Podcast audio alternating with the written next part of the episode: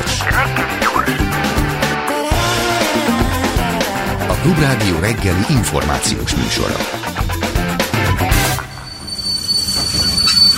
Reggeli személy.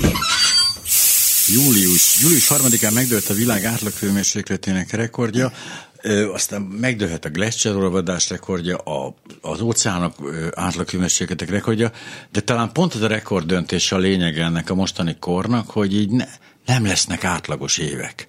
Tehát nem lesznek olyan évek, amikor, amikor úgy semmi nem rekord nem dől meg. Bart István a Klímastratégiai Intézet 2050 vezetője a vendégünk. Jó napot kívánok! Jól látom ezt a dolgot? Hát tulajdonképpen az, igen, tehát ez alapvetően igen, az a fontos, hogy, hogy nem, tehát azok, hogy mi volt a régi átlag, meg hogy, meg hogy most ehhez képest mi a rekord, azt, azt ebben a mai, a modern klímaváltozásos kontextusban már sokkal kevésbé lehet értelmezni. És egyébként ez a tulajdonképpen az egyik legfontosabb dolog, amit az emberek nehezen szoktak megérteni, de, de, de fontos megérteni. A klímaváltozás az nem azt jelenti, hogy az A ismert A állapotból átkerülünk egy ismeretlen, de azért valamennyire stabil B állapotba, hanem hogy igazából elhagyjuk azt az ismert stabil zónát, amikor télen tél van, télen mhm. hideg van, nyáron meg meleg van, és ősszel meg esik az eső, és lesz helyette valami, ami igazából nem ö, számunkra nem ismert, nem komfortos, a legfontosabb, hogy nem kiszámítható. Tehát, hogy nem tudjuk pontosan, hogy, hogy mikor mi fog következni. Ö, tehát ilyen értelemben ugye a, a, a, az átlagos kifejezés, meg a rekord uh-huh. kifejezés, az azt feltételező, hogy van valami normális, ami, ami, amit ugye az elmúlt évszázadok vagy, vagy évtizedek állítottak be egy normalitásként. És ugye hát ez ami, ami ugye eltűnőben van. És, és ugye nagyon nehéz, és az ember szeretne valami új normálishoz alkalmazkodni, de igazából nem nagyon van ilyen. Természetesen trendek vannak, tehát azért lehet tudni, hogy merre haladunk, és hogy hogy fog kinézni ez a folyamat, de, de a de alapvetően a, a, az új normális az inkább egy folyamatosan mozgó hát, valami a lesz. legrosszabb dolog, ami történhet egyébként. Igen, tehát hogy azok az elvárások, mi szerint ó, klíma felmelegedés van, hát akkor mediterrán ország leszünk, Igen. hát nem nagyszerű, nem leszünk mediterrán ország. Tehát itt nem az történik, hogy egy kicsit így eltolódnak a, a, az éghajlati jövek, hanem arról van szó, hogy széthullanak gyakorlatilag. Hát ugye pontosabban, a, a, hogy mondjam, a mediterrán országnak se olyan jó lenni mostanában. Tehát, hogyha megnézzük, hogy micsoda erdőtüzeik, micsoda erdőtüzeik vannak, és, és szárazságaik, tehát, hogy, hogy igen, tehát, hogy ez nem feltétlenül egy pozitív, de leginkább azért nem pozitív folyamat, mert ugye mi nem erre vagyunk berendezkedve. Ja. Tehát nem, ar, nem egy másik klímára vagyunk berendezkedve, hanem arra a klímára, ami nekünk most van. Ugye azokat a növényeket termesztjük, amik ott élnek, a házaink úgy vannak felépítve, hogy ezt a klímát tudják kezelni, amiben mostanáig voltunk, és a többi, és a többi. Tehát, hogy, hogy minden jó, nyilván, mm. a, hogy mondjam, Alaszkában is lehet élni, meg a Szaharában is, Egyre hogyha jobban. az ember, igen, hogyha az ember arra van berendezkedve, de mi nem arra vagyunk berendezkedve. E, igen, tehát az eszkimók nyilván jól érzik magukat, ott élnek, mi pedig nem éreznénk ott magunkat jól, az eszkimók élnek. Én most csak egy hírgyűjtő oldalon mentem végig, csak hogy tényleg az volt, hogy megnéztem azokat a híreket, amelyek nyilvánvaló összefüggésben vannak ezekkel a történetekkel. Az egyik a agresszív hidegfront ül a trónon, de újabb drámai fordulat érkezik, aminek sokan nem vannak. Sejtető cím, mm. nyilván egy ügyes mm. de itt a lényeg az, hogy a drámai fordulat az lehet még igaz is ebben a történetben. Aztán ilyet még nem láttunk, hatalmas jégesővel és felhőszakadással csapod le a hidegfront a Dunántúrra. Hát láttunk már jégesőt is, meg felhőszakadást is, de mégis érdekes az intenzitása, amiről írnak.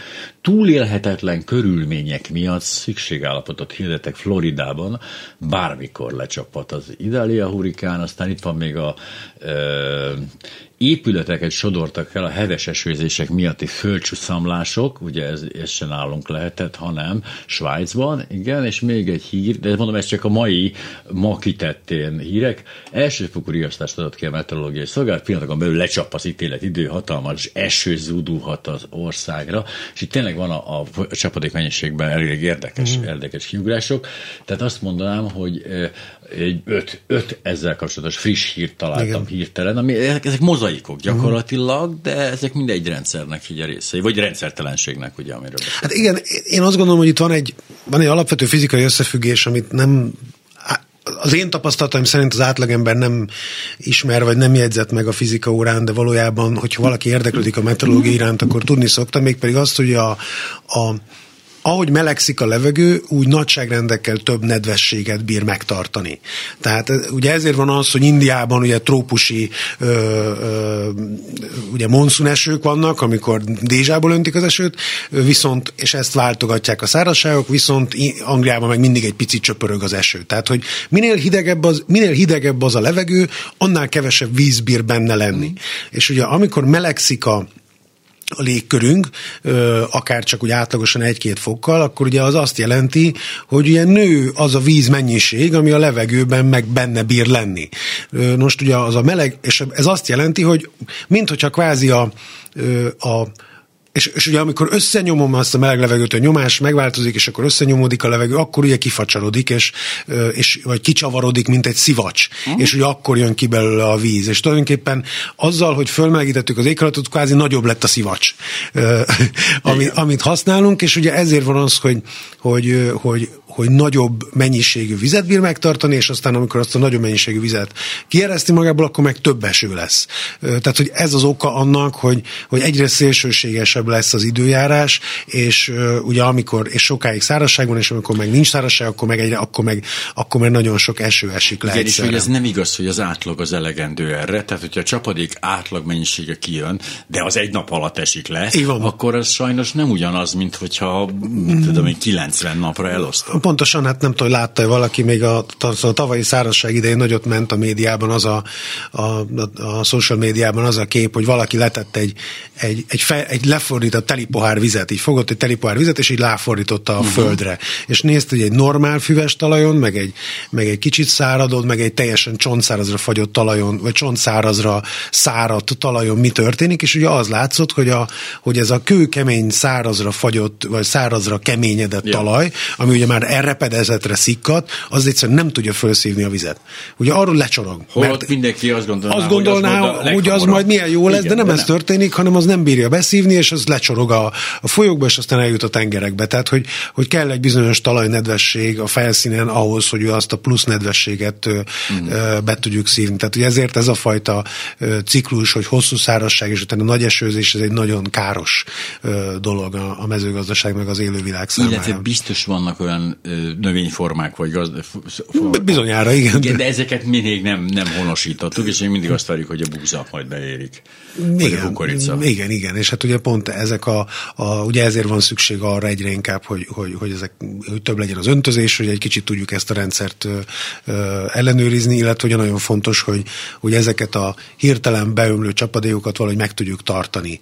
Akár a, valahogy a, ugye a az országban tározókkal, vagy a, vagy, a, vagy a különféle mezőkön, szántókon, hogy akkor aztán ez ott szépen lassan idővel be tudjon szivárogni a talajba. Tehát gyakorlatilag ugye ez egy nagyon konkrét klímaadaptációs alkalmazkodási feladat, hogy vissza kell fordítani azt a azt a, a vízmérnöki teljesítményt, amit ugye az elmúlt 200 évben megvalósítottunk, hogy, hogy jól hajózható, gyors lefolyású folyóink legyenek, ahol szépen lassan, ahol, ahol könnyen megszabadulunk a víztől, és ezért nincsenek árvizek. Ugye most pont az ellenkezőjére van szükségünk. Itt kell tartanunk. Itt kell tartanunk, és árvizeket produkálni tulajdonképpen azt, hogy szépen elterjedjen a földön ez a víz, és ott maradjon bent a, a, a, a talajban. És hát ez egy nagyon Időt nehéz. kell adni neki, hogy hasznosuljon, mert különben gyakorlatilag semmi értelme nincs. Ez, ez például egy olyan dolog, ez a fajta csapadék eloszlás, ami, ami hát némi állandóságot sugal, tehát ez már nem fog visszatérni az előző állapot, ez valószínűleg ez marad.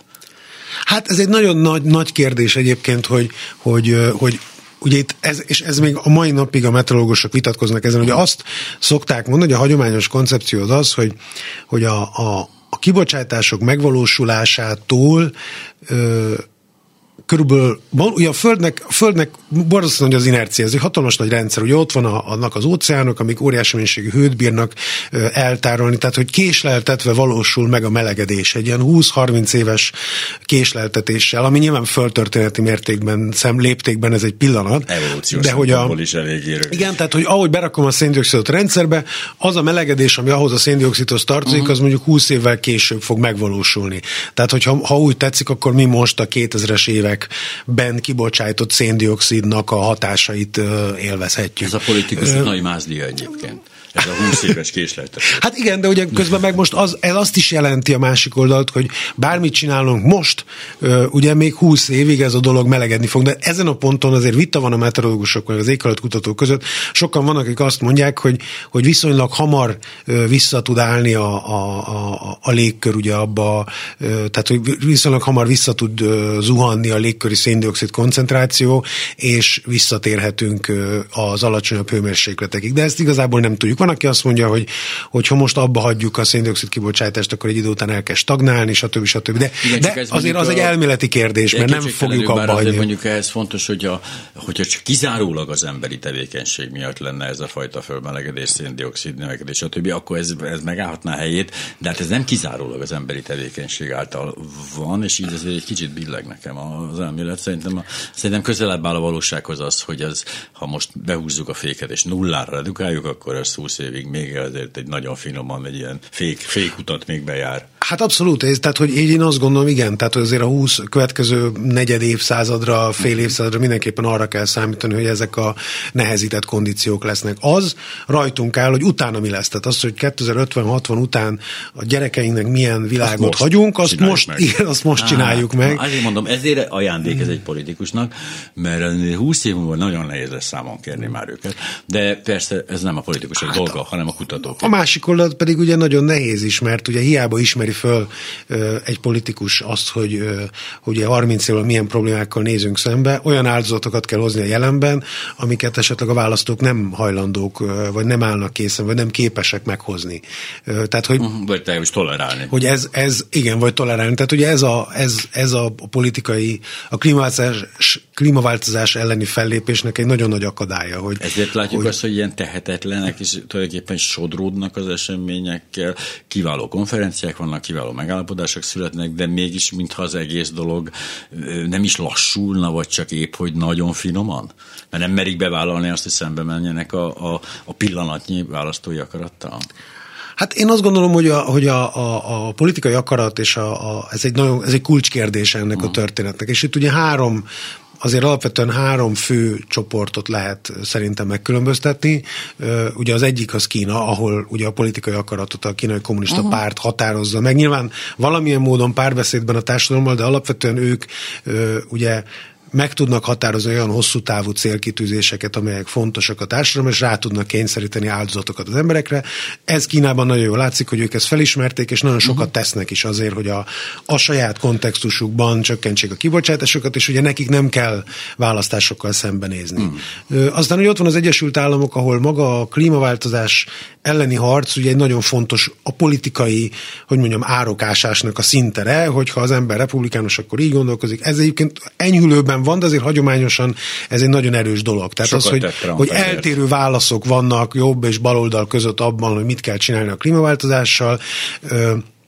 A demokraták ugye nagyon erőteljesen akarják ezt a, a republikánusok halványon. A retorika szintjén, a gyakorlat szintjén az van, hogy azért mindenki, mind a két oldal akarja, hogy legyen valamiféle támogatás ezekre a zöld intézkedésekre, de azt senki nem vállalja be, hogy mondjuk ezért drágává tegye az áramot, vagy a benzinárat megemelje. Ugye azért az Egyesült Államokban a mai napig fele annyiba kerül a benzin, mint Magyarországon. Hát annyiba tehát, kerül, hogy, Magyarországon már forradalom Tehát, hogy igen, tehát hogy, hogy azokat a választóknak kényelmetlen dolgokat nem tudják bevezetni. És akkor szerintem egy harmadik Európa, ahol viszont azt látjuk, hogy egyrészt nem olyan erőteljesek a politikai ellentétek a, a klímaügyben. Nagyon jó például Magyarország, ahol azért igazán sok árok van ebbe az országban, de még pont klímában nincs. Tehát, hogy a, a, a, a a, a, a Momentumtól a Fideszig mindenki azt mondja, hogy a klímaváltozás egy nagyon fontos dolog, és ezzel ellen cselekedni, föl kell lépni. Az, hogy természetesen hogyan fogunk fölépni, ez egy másik kérdés, de nincs olyan magyar politikai erő, aki azt mondaná, hogy a klímaváltozás az egy szélhámosság, és csak azért találták ki, hogy,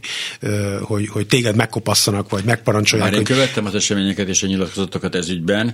Nagyon érdekes, mert tetten érhető ez a pillanat a kormánypártok részéről, amikor beálltak ebbe a dologba, amikor rájöttek, hogy ez a választók egy jelentős részének fontos dolog, fő főleg a fiatal választók részének, és volt egy fordulat. Tehát ez így van, igen. Ez, náluk, ez, és akkor belálltak. Igen, ez, ez nagyjából a, a, az előző önkormányzati választások igen. környékén volt. Ugye látta, ugye szeptemberben voltak a Greta Thunberg féle tüntetések, kiderült, hogy ez a dolog viszonylag sok fiatal tud el kivinni az utcára, utána Karácsony Gergely egy, egy nagyon markáns zöld agendával indult a választásokon, ők is nyertek, ugye ő is ezzel, ezzel hát ki tudja miért, de ez egy fontos dolog volt, és szerintem ugye ezt nem tudjuk, és sose fogjuk megtudni, de azt gondolom, hogy a, a miniszterelnök hivatal megvizsgálta azt, hogy az emberek számára ez mennyire fontos, és megállapította azt, hogy a magyar közönségnek ez fontos, különösen az ő választóinak, ugye, és azért ne felejtsük el, hogy nagyon sok, ugye a, a Fidesznek mindenhol sok választója van, de nyilván falun még több, és ugye aki valamilyen, akinek valamelyik köze van a mezőgazdasághoz, azért az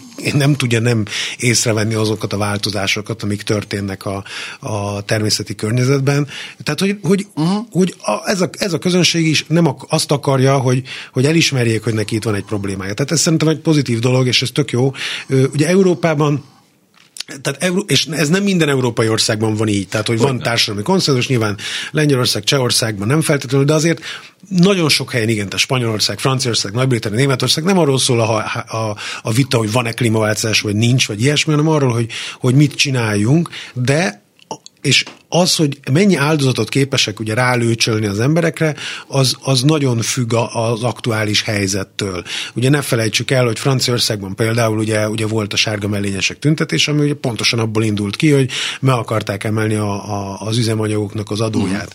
Uh-huh. De közben ugye van egy nagyon erős választói akarat is, tehát ugye a 19-es EP választásokon láttuk azt, hogy a, hogy a, a nyugat-európai országokban milyen óriási eredményeket értek el a zöldek. Ugye Németországban bekerültek a kormánykoalíció koalícióba. El is kezdtek nagyon markáns zöld politikákat folytatni, amit, amit már, már el is kezdett utálni egyébként a német közönség, tehát hogy sajnos semmi sincs ingyen, tehát hogy kiderült, hogy tényleg egy, egy aktív klímavédelem az egy, az egy az, az, hogy mondjam, az nem egy olcsó dolog, és nem egy kellemes dolog. De igen, és nagyon nehéz meg felelni annak a választói akaratnak, hogy tegyenek a klímaváltozás ellen, én... de hogy én nekem ne kelljen lemondani arról, hogy egyedül Pontosan, vezettem igen, a mazerátimat. És, és ez egy, hát vagy nem is a mazerátit, ugye, hanem az, hogy igen. Azért nem mindegy egyébként, nem? ez egy, azért szeretném ezt kiemelni, ezt a mazerátit, mert ugye ez egy nagyon fontos probléma az egész klímapolitikában, hogy ugye, mivel ebben az ENSZ kontextusban gondolkozunk, ezért mindig országokra gondolunk, és hogy azt mondjuk, hogy az átlag magyar, meg az átlag uh-huh. amerikai, meg az átlag indiai. De valójában hihetetlenül nagy ö, kibocsátás, tehát karbonlábnyombeli különbségek vannak egy-egy országon belül a gazdagok és a szegények között. Uh-huh. Ö, és ugye ezt mindig elfelejtjük, hogy, hogy amikor a, a a, a kormány azt mondja, hát nem lehet megemelni a gázárát, mert akkor mit, mi lenne az emberekkel, vagy mi lenne a nyugdíjasokkal. Igen, ne a nyugdíjasoknak tessék megemelni a gázárat, hanem azoknak, akik, akik amúgy is nagyon sokat fogyasztanak. És ez mindenhol így van. Tehát nézzük meg például a repülés. Ez egy nagyon klasszikus példája ennek a dolognak. Ugye a, egy angol kutatásból derült az ki, hogy a repülőjegyek 50%-át az utasok 10%-a veszi meg. Tehát, hogy van egy ilyen hihetetlenül erős ö, félrecsúszás abban, hogy hogy oszlik el. És ugye persze mindenki mondja azt, hogy a, repülőjegyek, a repülés az fontos, mert összeköti a családokat, meg, meg tágítja a horizontodat, meg szóval meg sok olyan... lehet rúgni Dublinban. Meg mindenféle ilyen társadalmi hasznai vannak annak, hogy most már el tudunk jutni Dublinból Vilniusba, a munkaerő, stb. Uh-huh. De közben meg az is van, hogy rengeteg ember van, akinek, aki megengedheti magának azt, hogy havonta elrepüljön, ugye, havonta átrepülje az óceánt mm. például. És ugye ugyanez van az autókkal is, a, a, a, ugye a nagy autókkal, ugyanez van a lakásokkal, ugye aki gazdag, annak nagyobb a lakása, fűti a medencéjét, stb. És ugye ezt ezt mindig elfedi ez a dolog, hogy arról beszélünk, hogy az átlag indiai, meg az átlag magyar. A gazdag magyar az pontosan ugyanolyan óriási széndiokszid lábnyommal rendelkezik, mint mondjuk egy gazdag francia. Lehet, hogy jóval kevesebb van belőle, de a végeredmény az az, uh-huh. hogy, mhm. és ugye ez nagyon fontos megérteni, hogy, hogy a, és ez, amit egyelőre a mai politika nem nagyon tud megvalósítani, hogy a, a, a a klímaváltozás elleni harc, tehát azokat a terheket ne egyenletesen osszuk el mindenkire, tehát ne úgy próbáljuk meg elosztani a terheket, hogy akkor a, a, a, a nem tudom, az 50 négyzetméteres kis lakásban lakó ö, autó nélküli nyugdíjasnak is ugyanúgy megemeljük a gázszámláját, mint a rózsadombi villa lakónak. Tehát, hogy... Igen, de mindenkitől kérünk 100 ezer forintot, köszönjük. Egyenlőség van. Pontosan, Igen. tehát, hogy, és egy kicsit ugye ez a, a, a, a, a veszély annak, hogy a, és ezért nagyon ritka, ezért nagyon nehéz társadalmi konszenzus csinálni, mert nagyon sok ember azt érzi, hogy na most akkor megint rólam akarnak leúzni ráhúzni egy bőrt, pedig lehet, hogy ő valójában nem is egy, ugye egy nagy kibocsájtó. Viszont az is lehet, hogy ennek a kevés, de nagyon gazdag embernek a lobby ereje sokkal nagyobb, mint annak a nagyon sok ö, 50 négyzetméterben lakónak, tehát egy, egy, a politikának erre is figyelni kell, hogy... hogy Természetesen, így van. Hát ugye Magyarországon azért ugye ezt a, ezt a sztorit ugye például az ingatlanadók területén lejátszottuk. Emlék, emlékszel talán, hogy volt Igen, ugye a, a luxus ingatlanadó, annak idején a 100 millió euró fölötti ingatlan számított luxusnak, és akkor azt megszavazta a parlament, de amikor valaki felvetett, hogy legyen 50 millió, akkor azt már nem, mert úgy gondolták, hogy a talán de, igen, igen, azért az már no. túlságosan közel van. Közel igen, csapkod a villámhoz. Így van, igen, tehát hogy ez, ez, ez egy természetes dolog. Igen, olvasom közben ezt a mostantól a hőhullámos nyár lesz a normális, összetük 2023 természeti katasztrófáit című anyagot. Érződött ezen, a, hát még érződik, mert hogy ez az év még messze nincs a végénél, de hogy hogy részben egyre több ilyen hír van, tehát nyilván ez ugyanolyan, mint hogy egyre több bűncselekmény történik a világban, hát minden nap olvasok százat, ugye az nem jelenti azt, ugyanannyi történik, csak ugye több a beszámoló. Itt azért úgy érzem, hogy kulcsesemények, tehát voltak olyan események, amik így megmaradnak így az emlékünkben, hogy na ez 2023 volt, mm. amikor ez először vagy utoljára, vagy leginkább jelentkezett. Szóval mik, mik voltak ezek a bizonyos, bizonyos uh, ilyen uh, pillanatok, illetve mik azok a dolgok, amik így most történnek a, ezekben a pillanatokban akár?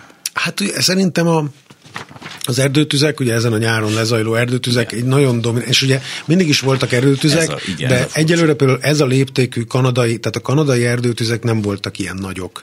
Ö, tehát ugye iszonyatosan megnőtt a, a, a mérsékelt, tehát ebben a hideg égövben megvalósuló erdőtüzeknek a mennyisége, és ugye nem csak a korábbi erdőtüzekhez képest, hanem abszolút értékben is, hogy azt mondják, hogy a, azok az erdőtüzek, amik most ugye Kanadában lezajlottak, azok összességében az így a légkörbe jutó széndiokszid az háromszorosa annak, amit egyébként Kanadának a nem tudom, 30 milliós uh-huh. lakossága, aki egyébként elég nagy kibocsátó fajlagosan létrehozott. Tehát, hogy sokkal több.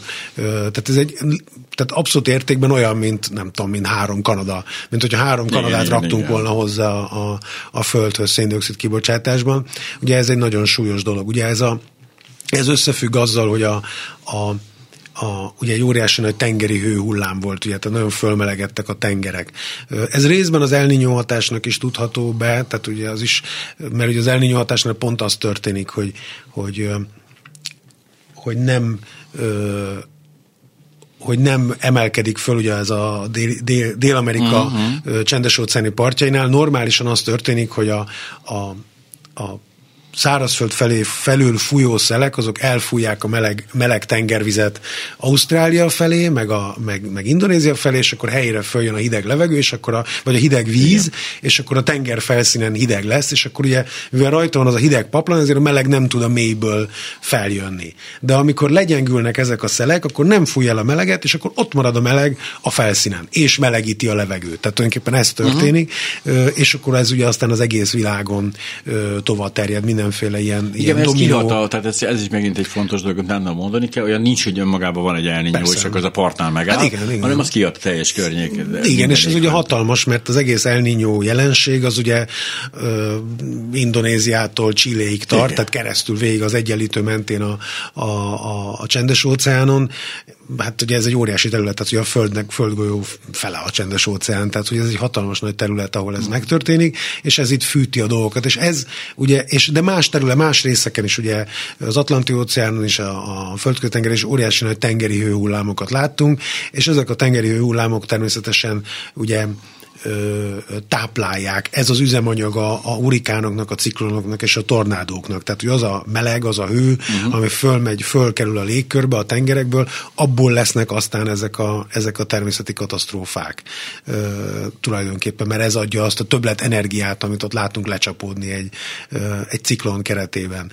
Ö, ez fontos hangsúlyozni egyébként, ez a, mert ez pár éve az ausztrál erdőtüzekkel ugyanez volt a helyzet. Tehát, hogy mindig voltak Ausztrálban erdőtüzek, Igen. de a kiterjedtség, az Igen. idő, az már nem rendben van, mert rengeteg növénynek szüksége van erdőtüzés, szaporodjon, stb. De ez már túlmegy azon a határon. Tehát ez a klasszikus történet, ugye, hogy a rövid szoknya az szexi, a nagyon rövid meg közönséges.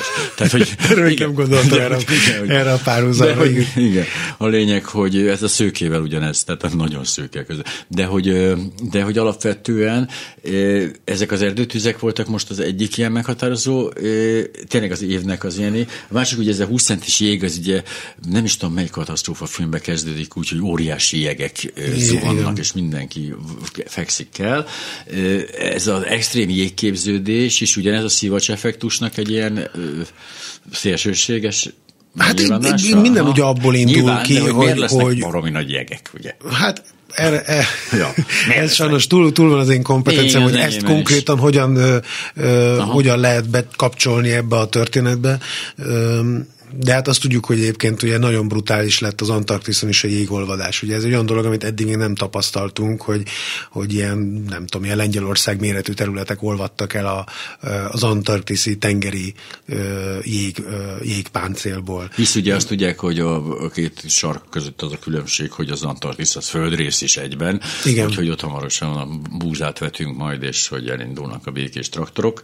Nem így lesz, de hogy, de hogy ez milyen érdekes, hogy óriási jég esik a, a, Hmm. az, ezek zivatarokból, ott olvad, tehát lehet, hogy a jégmennyiség is így átlagban megvan a földön ezek után. Hát az nagyon fontos ugye a, a fönn, ér, megemlékezni arról a különbségről, hogy a szárazföldön lerakódott jég az ugye teljesen más, mint a tengeri jég, mert a tengeri jég elolvadása az nem emeli a tengervíz szintet.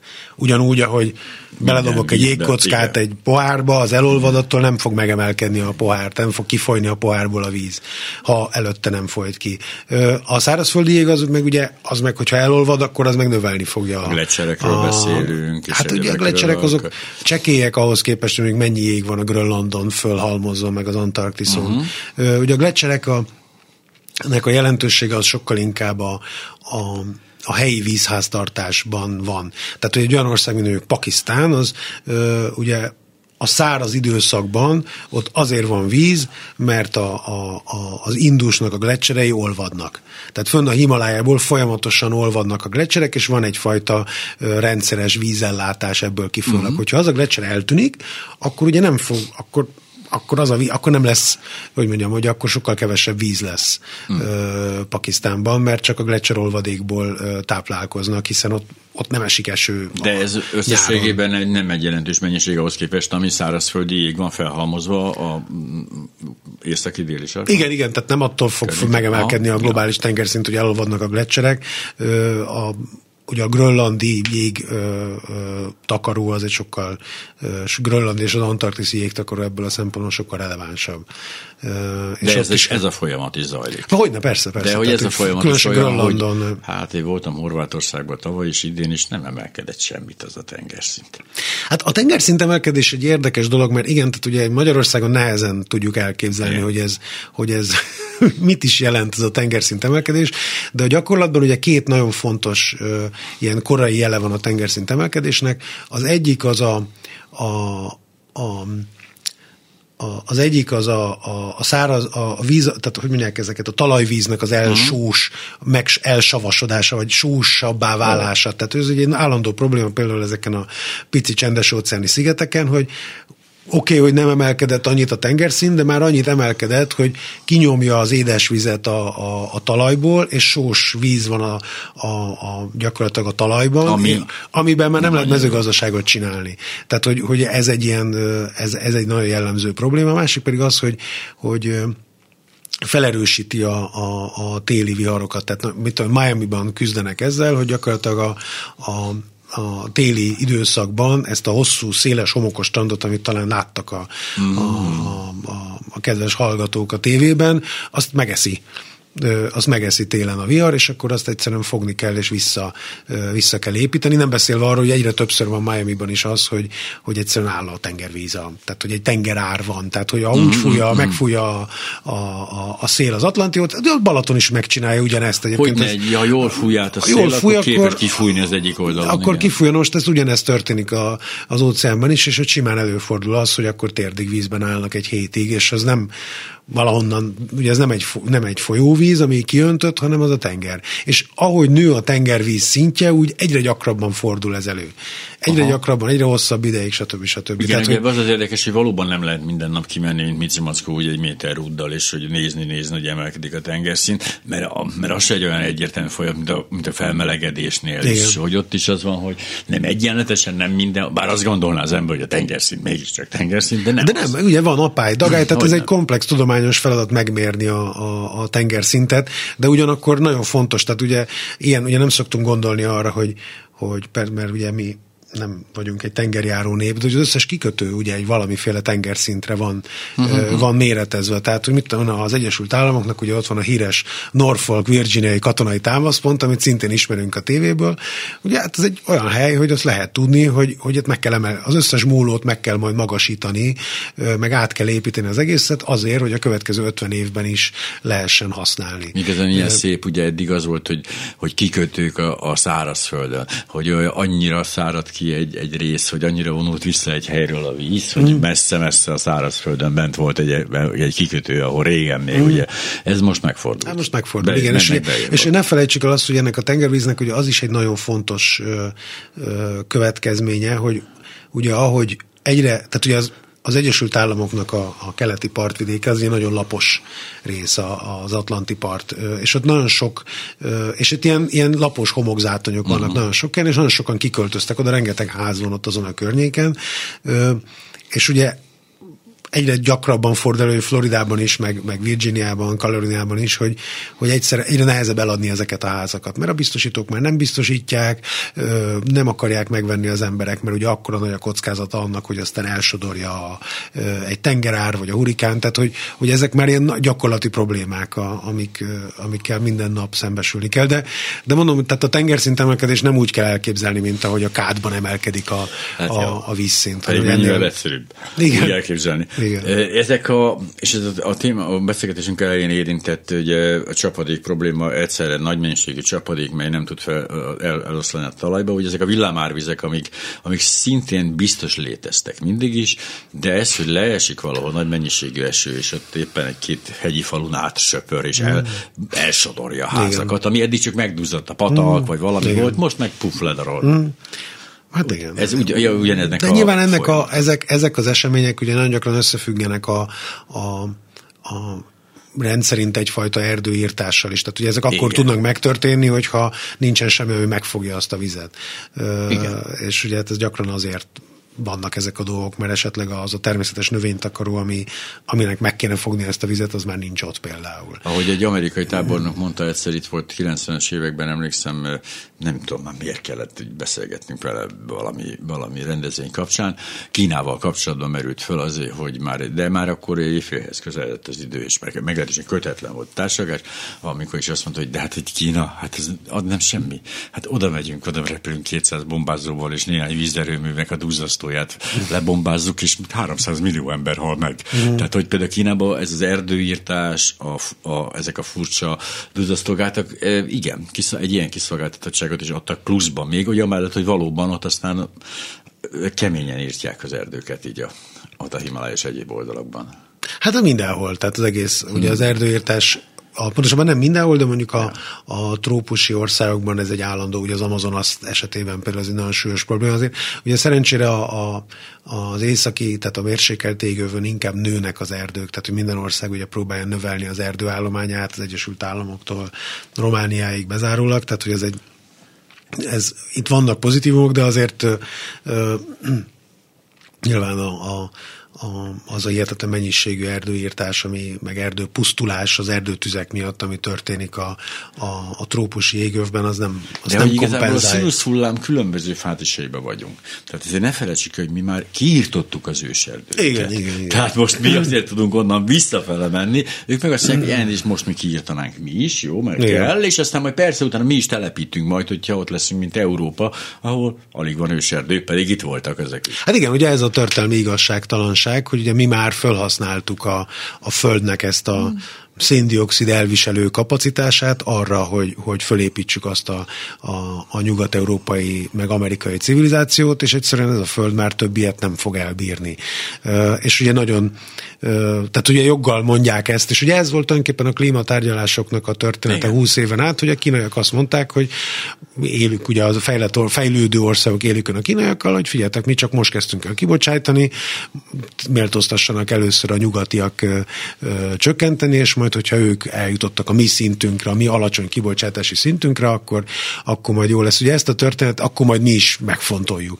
És ugye ezt a történetet annyiban árnyalja az, ami az elmúlt 30 évben történt, hogy ugye egyrészt olyan hihetetlen megnőtt Kína kibocsátás, hogy lassan már azt lehet mondani, hogy hogyha az összkibocsátást nézzük mondjuk 1800, mm. az 1850-es évektől, akkor már nagyjából egyensúlyba került mondjuk az Egyesült Államokkal az, amennyit ugye az elmúlt mondjuk 200 év alatt kibocsájtott Kína. Persze, hogyha egyfőre, egyfőre nézzük, akkor nem, igen, de összességében. Tehát, hogy, hogy ez egy kicsit úgy mérséklődik ez a helyzet, de még inkább szerintem az is nagyon fontos, hogy ezek az országok, hogy élükön Kínával rájöttek arra, hogy, hogy nem... Nem tehetik meg. Nem is az, hogy jár, nem tehetik. Jár, de nem jut. Pontosan, tehát az, hogy nem számíthatnak arra, hogy, hogy, hogy ezt a problémát a nyugatiak megoldják egymaguk. Ugye azt látjuk, hogy az egész Európai Unió ugye a világ kibocsátásának kb. 8%-áért felel. Az Egyesült Államok még egy 19%-ért, mit tudom én, Oroszország 6%-ért, de hogy, hogy mondjam, hogy az a a világnak az a része, akit ezzel a narratívával lehet jól revolverezni, hogy te vagy a felelős, és ezért csináld meg, és ezek lényegileg az európaiak, az egy olyan kicsi rész, ami nem elég ahhoz, hogy, tehát, hogy, hogy nem várhatnak az európaiakra, meg nem is az európaiak, hogyha holnap kollektíva abba hagynák a kibocsátást, az sem oldja meg ezt a problémát. Sőt, visszaszednének belőle. Hát tulajdonképpen a kínaiak erre rájöttek szerintem, uh-huh. hogy, hogy nekik is ö, részt kell venniük. Lehet, hogy ezt a problémát elsősorban nem ők okozták, de a megoldásban nekik is részt kell És valóban venni. igazságtalan ez a történelem részéről, csak ezt nem lehet mit tenni vele. Hát, ugye, de Bocs. az a, a, a fennálló, a legsúlyosabb igazságtalanság azt szerintem az az, hogy ott van a Afrikának a szarától délre eső része, ahol tényleg minimálisak a kibocsátások. Ugye nagyon sokkoló statisztikát hallottam a múltkor, hogy egy, egy átlagos Nigéria, egy, fő, egy, egy átlagos nigériainak, vagy egy nigériai főre jutó széndiokszid kibocsátás az annyi, mint egy átlagos amerikai hűtőszekrény kibocsátása. Hmm. Tehát na, nagyon csekély számokról beszélünk, óriási mennyiségű ember van, aki itt elektromosság nélkül él, és, és ugye pont ezek az emberek azok, akiket a legjobban fog sújtani a klímaváltozás, hmm. hiszen ugye a, a, a szárazságok, a hurikánok, ezek mind olyan dolgok, amik ellen ugye egy, egy fejlettebb civilizáció, egy, egy jobban működő állam hatékonyan tud segíteni. Tehát, hogy ezeket, ezeket meg tudja előzni, vagy van tűzoltóság, vagy van valami olyan, olyan biztonsági rendszer, amelyik, amelyik megvédi. Tehát, hogy mondjam, hogy ha, ha Magyarországon történik egy tornádó, és összedől a házad, akkor számíthatsz arra, hogy viszonylag hamar ott lesz valaki, aki majd kihúz téged a romok alól, segít valamilyen módon. Most Mozambikban pedig, ahol még út sincsen, ahol, tehát ahol utak sem feltétlenül vannak az országnak egy jelentős részén, ott ugye nagyon gyakran magadra vagy hagyva, vagy a, vagy a vörös keresztre. De hogy és, ez azt jelenti, hogy ugye, és ez nyilván ezzel tisztában vannak, akik ezt ugye közelebbről szemlélik, hogy, hogy ha hagynánk ugye az egész dologban, akkor még inkább elszakadnának egymástól a fejlett és fejlődő és nem fejlett országok. Tehát iszonyatosan nőne a különbség ezáltal. Folyamatosan. Tehát ezt folyamatosan kompenzálni kell, mert különben még nagyobb bajok lesznek. Hát az biztos, hogy a klímaváltozás hatása maga az növeli az egyenlőtlenséget, uh-huh. tehát olyan értelemben nyilván a gazdagoknak is költségeket jelent, ja. meg a jómódúaknak, mert nem tudom, kell venni légkondit, meg szigetelni kell, meg vannak árvizek, meg mit tudom én, de, de ugye azoknak a, a, a az Afrikában élő gyakorlatilag létfenntartó mezőgazdaságban élő embereknek, akiknek tulajdonképpen nem, tehát akik nincsenek berendezkedve arra, hogy mondjuk egy egy-két-három éves szárazságot kibírjanak, azoknak ugye a klímaváltozás ugye tönkre fogja tenni az életét. És ez egyébként nagyon jól látszik, hogy a, a ugye a, azok a menekült hullámok, amiket látunk, azok ugye nagyon gyakran ilyen természeti okokból származnak. Tehát, hogy Bangladesben például, ugye, ahol van a, a, a Gangesnak a deltája, ugye Bangladest érdemes elképzelni, hogy ez egy, ez egy akkora ország, mint Magyarország és Szlovákia együtt. Hmm. És 150 millió ember lakik benne. Hmm. És ennek van egy deltája, ami mondjuk akkora, mint a fél Dunántúl, ez ugye a Ganges, és ez gyakorlatilag a tengerszinten van. Mm. És itt, itt zajlik valamiféle mezőgazdaság, de hát ugye az áradások, a sósvízbetörés, stb. ez gyakorlatilag folyamatosan termeli a, a menekülteket, és évente százezrével mennek el az emberek, akik próbálnak ezekbe egyébként is rettenetesen túlzsúfolt bangladesi nagyvárosokba beköltözni ezek az emberek, ugye az ő karbonlábnyomuk minimális, tehát az, amit ők csináltak, ugye attól azt évezredekig el lehetett volna még, lehetett volna Igen. még csinálni. Ők azért lettek gyakorlatilag hajléktalanok, és, és váltak földönfutóvá, amit az amerikaiak, meg az európaiak, meg a kínaiak csinálnak. Meg a gazdag bangladesiek is természetesen, de ez, ez egy óriási nagy igazságtalanság. És ez természetes folyamat, hogy ők eljönnek onnan. Hát miért maradnának ott, nem tudnak életben maradni? Hát egy, az is természetes, víz alatt nehéz, igen. És víz csak a hollók tudnak repülni. De hogy, de hogy ez természetes, hogy elindulnak onnan, és az is természetes, hogy a, azok az országok, amelyek célországá válnak, ugye nyilván tudjuk pontosan, melyek azok a fejlett országok, azok pedig ugye nem akarják, hogy jöjjenek, vagy hát máshogy akarják, nem így szeretnék, stb. Ez, ez, ez azért egy olyan kódolt konfliktusa a jövőnek, ami, ami elkerülhetetlennek látszik. Hát ez a jelennek a konfliktusa tulajdonképpen. De hiszen az a, nincs, hogy ostromló ugye azért, ugye azt, azt, azt azért kell látni, hogy a, a klímamigránsoknak a túlnyomó része az vagy országon belül marad, vagy pedig maximum a szomszédos országokba jut el. Tehát, hogy uh-huh. nagyon mhm. kevés az, akinek megvan a pénze, lehetősége, kapacitása, nyelvtudása, stb. arra, hogy, hogy ilyen nagy transzkontinentális utazásokat megtegyen. Tehát ez, egy, ez már egyfajta vagyoni uh-huh szűrő. És nyilván ugye a mezőgazdaságban élő emberek se nagyon szeretnek, ugye lehetőség szerint máshol szeretnének mezőgazdasággal nyilván. foglalkozni, de a szíriai polgárából egy klasszikus példa, hogy ezt nem annak idején írtak róla, de most már szerintem nagyjából elfelejtettük, hogy mielőtt kitört a polgárából, előtte öt évig volt egy ilyen, tényleg egy ilyen bibliai méretű szárazság, ahol azt mondják, hogy a, a földtört, tehát hogy a történelmi ö, kutatásokból az derül ki, hogy előtte 5000 évig nem volt ilyen szintű szárazság. Ugye ez nagyon sok embert ö, ö, tett földön futva, akik bementek a városokba, ott lett egy elégedetlen tömeg, akiket a rendőrök ugye jobb hiány, ö, hogy mondjam, ö, gumibottal tartottak rendben, ö, és ugye pont így robbant ki ez a dolog, az egyik menekült táborból volt egy pár fiú, aki összegrafitizett mindenféle falakat, és akkor rendőrök bevitték és megverték, és utána lett belőle, ebből lett ez volt az a szikra, ami aztán kirobbantotta ezt a polgárháborút. És ez egyébként nagyon jól mutatja azt, hogy a klímaváltozás ugye hogyan súlyosbítja a már meglevő konfliktusokat. Hogyha nem tör ki ez a szárazság, lehet, hogy az Assad rezsim még elpöfögött volna a saját belső konfliktusaival és elnyomásával. Csak hogy így Egy kis széndiokszid, igen. Egy kis széndiokszidot engedek be, vagy ahogy Kósa László mondta, ugye, ha amikor befögünk, akkor széndiokszidot engedik. Nagyon, nagyon szeretem, amikor a politikusok bele merészkednek a tudomány világába, csodálatos megszólások mm. születnek ebből, csak nem mindenki meri ilyen önfeledten kimondani a hülyeségeit, van, aki inkább hallgat, amikor. De mindegy, de hogy a széndiokszid, igen. De hogy igen, a másik még, ha csak menjünk már vissza ezeken a jelenségeken, ezek a, ezek a, ezek a hő, hőségriadós, vagy hő, hő hullámok, napok, hőhullámok, egyre, egyre, arra gondolok, hogy egyre nehezebb ez a nyár, mert hogy én öregszem, ugye nyilván, és mm. akkor ne, de közben meg, meg nem is igaz ez se teljesen, mert egyre több ilyen nap van, amikor Igen, pontosan. Így, nézek, és azért ilyenkor 70-es IQ-ja van az embernek, kezeljenek csak úgy, mint egy szellemi folytékos, nem tudok gondolkodni, kész, ez, ez is elég, elég odaüt. És ez később fokozódik, 96 évesen valószínűleg, mert nagyon-nagyon meg fog viselni. Hát igen, és egyébként paradox módon nem is a nem is a nappali csúcs az igazán gyilkos, hanem az éjszakai, az éjszakai minimum. Tehát, hogy, hogy az, hogyha napközben felmegy 50 fokra a hőmérséklet, akkor ugye az embernek van annyi esze, hogy bemegy az árnyékba, vagy bemegy a pincébe, vagy nem uh-huh. tudom, hogy a légkút, tehát hogy valamilyen módon elrejtőzik a hőség elől.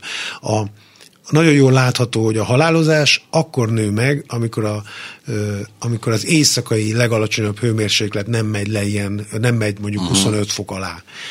És, és különösen a 70 fölötti korosztályban. Tehát ez a magyar halálozási statisztikákban is nagyon szépen látszik, hogyha az éjszakai minimum hőmérséklet 25 fölött van, akkor egy pár nap után elkezdenek tényleg meg, meghalni az emberek, az idősek, mert egyszerűen nem tud regenerálódni a szervezet.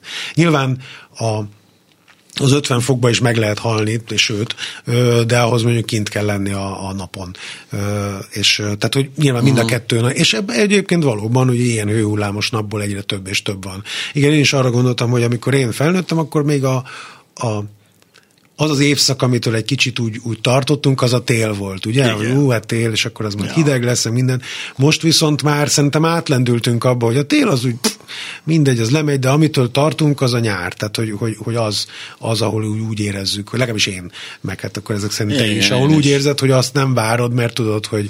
Várom azért, persze várom, mert rengeteg olyan előnye van a tél szembe, amit persze borzasztóan élvezünk, csak amikor szembesülünk a, a, ezzel a nyárral, ami érkezik, akkor azért úgy azért átgondoljuk, hogy ez az ősz azért most már jöhet. Tehát nem, engem már nem zavar egyáltalán, hogy ősz Így lesz. van, tehát bőven elég volt, De a igen. kolléganőm, Vivi, aki ugye a 20-as éveinek a elejét tapossa mm. igazából, neki ez csodálatos ez mm. a nyár. Hát olyan az ősz, ő még egész másképp éli mm. meg ezt. Igen, ez érdekes kérdés, az én is mindig szoktam gondolkozni, hogy vajon a, a fiatalok hogyan adaptálódnak ehhez. Tehát, hogy nekik már természetes az, hogy nyáron van három darab hőhullámos időszak, uh-huh. amikor, a, a, amikor a nappali csúcs az nem tudom, ilyen a 40 fok körül. Most ő, ő nekik lehet, hogy a szervezetük is jobban fogja bírni. Ezt, ezt igazából nem tudom eldönteni. Hát ugye azért a, a, a igen, ez a jó, hogy a fiatalok mindig tudnak alkalmazkodni Én az új viszonyokhoz. Tehát mindig az van, hogy egy darabig biztos, tehát a tempótól függ minden ilyesmi. Igen. Nyilván, hogyha hát- lenne ezer évünk rá, akkor a, átlag, a 50 fokos átlag hőmérséklet is, hát ezer nem, de mondjuk százezer évünk. Százezer év alatt biztosan, igen, igen, tudnánk, igen. És nincs százezer évünk, szóval ez a baj, hogy mondtam is valakinek most, hogy egyébként, hogy ez az egész klímaváltozás, meg az összes ilyen változás, ami van, ez csak akkor ilyen szomorú, meg akkor is elkeserítő, hogyha, hogyha a szempont az emberiségnek a túlélése. De ha nem, hogy nem ez érdekel nem minket, akkor mondok, ez valami lesz, és Igen. valami marad. Jó, de lehet így élni, tehát hogy mondjam, azért vannak Perzsiában hihetetlenül forró részek, ahol napközben ilyen rendszeresen, ugye ott a, a, az araböböl, vagy a perzsaöböl, ahogy ők mondanák, északi részén, ahol, ahol napközben, hónapokig rendszeresen ilyen 40 fok fölött van a hőmérséklet, az egyfajta életmód, tehát azok az emberek éjszaka élnek gyakorlatilag, és, és semmiképpen sem Nagyobb is a nappal. lehűlés egyébként ott éjszakánként. Azért Bizonyára Valamivel, tehát Hát gondolom, hogy ha az ember a, a bemegy a, a, az, e- a hegyek közé, akkor mm. még nagyobb, mint az óceánnál kevés, vagy a tengernél kevésbé, de csak azt akarom mondani, hogy, hogy lehet azért így is élni, de az egy másik fajta élet. Tehát, és hogy egy másfajta tempóhoz alkalmazkodáshoz, tehát egy generációs, bár biztos van valami különbség, de szerintem önmagában az, hogy valaki 20 éves vagy 55, az már önmagában attól függetlenül, hogy most, tehát mire ő 55 lesz, lehet, hogy őt is annyira fogja zavarni. Tehát nem biztos, hogy ő jobban alkalmaz. Valami pici alkalmazkodás biztos végben megy. Mi várható még egyébként ezek? Mi, mi az, ami most még talán elképzelhetetlen tűnik itt Magyarországon jelenség, klímával kapcsolatos jelenség, de esetleg megjelenhet, vagy, vagy melyik az, ami még erősöd. Tehát Magyarországon például furcsa módon nincsenek igazán olyan nagy erdőtüzek. még egyelőre igen, majd biztos lesz. de ez például valószínűleg ez be fog, Hát be fog gondolom, ahogy, szivárogni. igen, igen, én nem, nem ismerek ilyen előrejelzéseket pontos, Nem, hogy mikor igen. lesz, de, de azért nem, tehát valószínűleg majd előbb-utóbb ez is, ez is Igen, eljön, adott hogy- a száraz fa, meg az erdő egyik részen. Igen, és bizonyos hőmérséklet fölött, tehát hogyha a Kanada a belső része, tehát hogy mondjam, hogyha ami sok száz kilométerre van, a, a sok ezer kilométerre van a tengertől, hogyha az is és viszonylag északon, hogyha azt tud égni, akkor nem látom, hogy a Igen, magyar hát azért erdő... hideg van. Igen, hát... Már hogy úgy nem- hogy nem nyáron, meg Aki, ez igen, de nyáron meg, nyáron meg meleg van. Tehát, hogy, hogy Szerintem az erdőtüzek azok biztos egy lehetséges, lehetséges dolog. Mondjuk az erdőtűzben nem csak a hőmérséklet számít, hanem ugye az, a szárasság, tehát az, hogy mennyi... A foka, hogy ö, mennyire Igen, igen hogy mennyi... így van. Járványok például, ugye az már úgy kezdeget megjelenni. De én, én, én nem annyira a, a, a Szóval én nem annyira a természeti hatásokra koncentrálnék, mert ugye nagyon ö, ö, persze az ember mindig ezeket a természeti hatásokat gondolja végig, de, de szerintem sokkal fontosabb a társadalmi hatásokra gondolni. Tehát azt megérteni, hogy az a gazdasági, politikai rendszer, amiben élünk, az ezekre a természeti viszonyokra alapszik, azokra éghajlati viszonyokon alapszik, amiben mi élünk most. Tehát abba arra például, hogy van egy mezőgazdaságunk, ami azért évente kitermel valamennyi mennyiségű élelmet, és foglalkoztat nem tudom hány százer embert. Mondjuk ugye Magyarországon nem, ez nem egy olyan nagy szám, de azért mégis van egy, van egy bizonyos réteg. És a, És ugye, hogy ha, ha ezek a természeti viszonyok megbomlanak, akkor ugye nagyon gyakran ennek nagyon hamar társadalmi következménye is lesznek. Ugye, és megint csak a szíriai háború tudom felhozni, amelyik ugye alkalmat adott arra, hogy áthúzalozzuk a, a, az egész meneküléshez, a menekültekhez való viszonyunkat. És most ezt nem akarom értékelni ezt, hogy mi történt, meg hogyan, mert itt volt az a kedves hallgató, és gondolom hallotta, meg Igen. megtapasztalta. De a lényeg az, hogy, hogy történt valami egy olyan helyen, amiről mi azt gondoltuk, hogy a föld másik vége, mert Szíria, és kiderült, hogy nem. Az a dolog, ami Szíriában történt, az a mi magyarországi belpolitikánkat és hozzáállásunkat a világhoz gyökeresen átírta. És ezt a klímaváltozásnak köszönhetjük.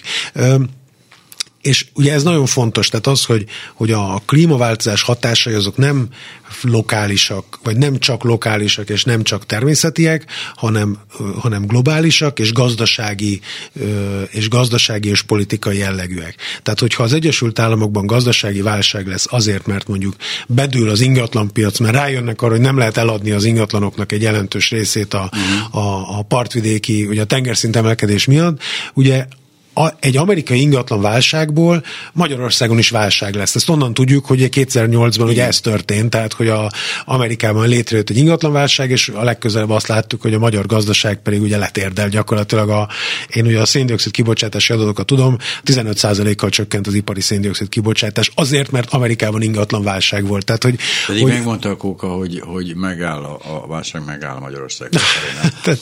tehát, De hogy ez közben döbbenetes, félelmetes lehet egy politikus politikus számára, aki azt hitte, hogy ő rendelkezik azzal a hatalommal, amivel az országa fölött, az országában ő, nem. Tehát ez egy ijesztő tudatása számára, hogy nem rendelkezik pont a globális folyamatok miatt Sajnos, hát igen, ez egy történet, amit, a, amit egymásnak mesél a politikus meg a választó, hogy kvázi az ember, akit ő megválaszt, az majd tudja irányítani ezeket a folyamatokat ja. itt helyben, de sajnos ez, ugye, és ez is egy nagyon nehéz dolog itt Magyarországon megérteni, hogy a, a Magyarország kibocsátásai, tehát amit mi uh-huh. majd 10 millió összehozunk, az a világ kibocsátásának a, a 0,014 százaléka. Uh és ugye pontosan ennyi a mi hatásunk a mi saját éghajlatunkra is. Tehát igen. A mi éghajlatunkat, az, hogy holnap mekkora lesz a hőhullám Budapesten, azt nagyon nagy részt, vagy túlnyomó részt a kínaiak, meg az amerikaiak hozzák össze. Mert ez, ugye ez nagyon fontos megérteni, hogy másik ilyen fizikai tény, hogy a, a széndiokszid és a többi üvegházgáz is mm. ö, gyakorlatilag nagyon, ugye nagyon sokáig van a légkörben, tehát ezek ugye a metán az mondjuk 20 évig, a széndiokszid meg akár 150-300 évig is, de szinte azonnal elkeveredik teljesen. Egy, egy, tehát egyenletesen elkeveredik a légkörben, az azt jelenti, hogy ha az Antarktisz... meg a fölött, aki Pontosan, tehát hogyha az Antarktiszon nézem a széndiokszid koncentrációt, ugyanannyi lesz, mint hogyha New Yorkban nézném, vagy, vagy a nem tudom, vagy a... Ez is igazságtalan. de hát tulajdonképpen igen, de ez a helyzet, tehát hogy tök mindegy, hogy ki bocsájtotta ki, meg hol bocsájtotta ki, az a széndiokszid az ránk hatással lesz, és ilyen módon alapvetően a, a, a mi éghajlatunkat 20%-ban a kínai, vagy 25%-ban a kínaiak, 20%-ban meg az amerikaiak hozzák létre.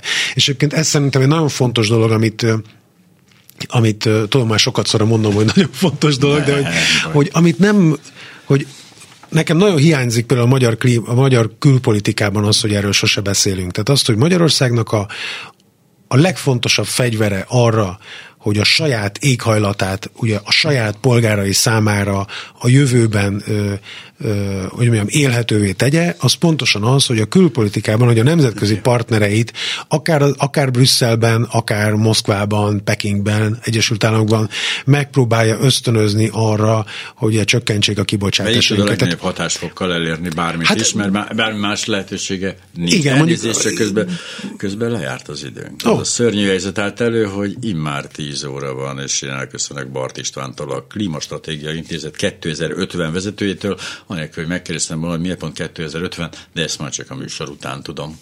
Ennyi volt.